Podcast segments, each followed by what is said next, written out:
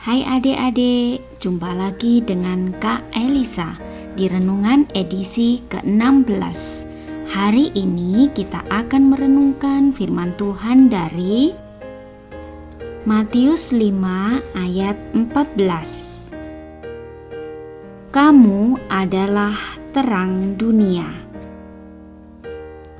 Adik-adik, ingatlah bagaimana keadaannya saat terjadi pemadaman listrik di rumahmu pada malam hari. Gelap saat akan mencari senter atau korek api, kamu tidak bisa melihat jalan. Kamu menabrak-nabrak benda-benda yang ada di sekitar rumahmu.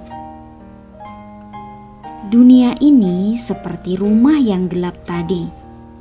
Manusia bingung ke mana harus berjalan, tidak tahu bagaimana hidup dengan benar maka Yesus memanggil kita untuk menjadi terang.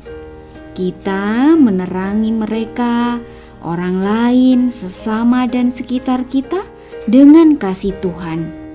Caranya dengan memberitakan firman Tuhan kepada mereka. Firman Tuhan adalah petunjuk agar hidup kita menjadi jelas.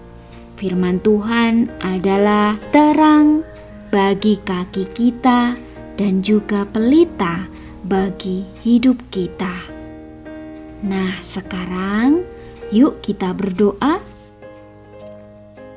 Tuhan, aku mau menjadi terang dunia.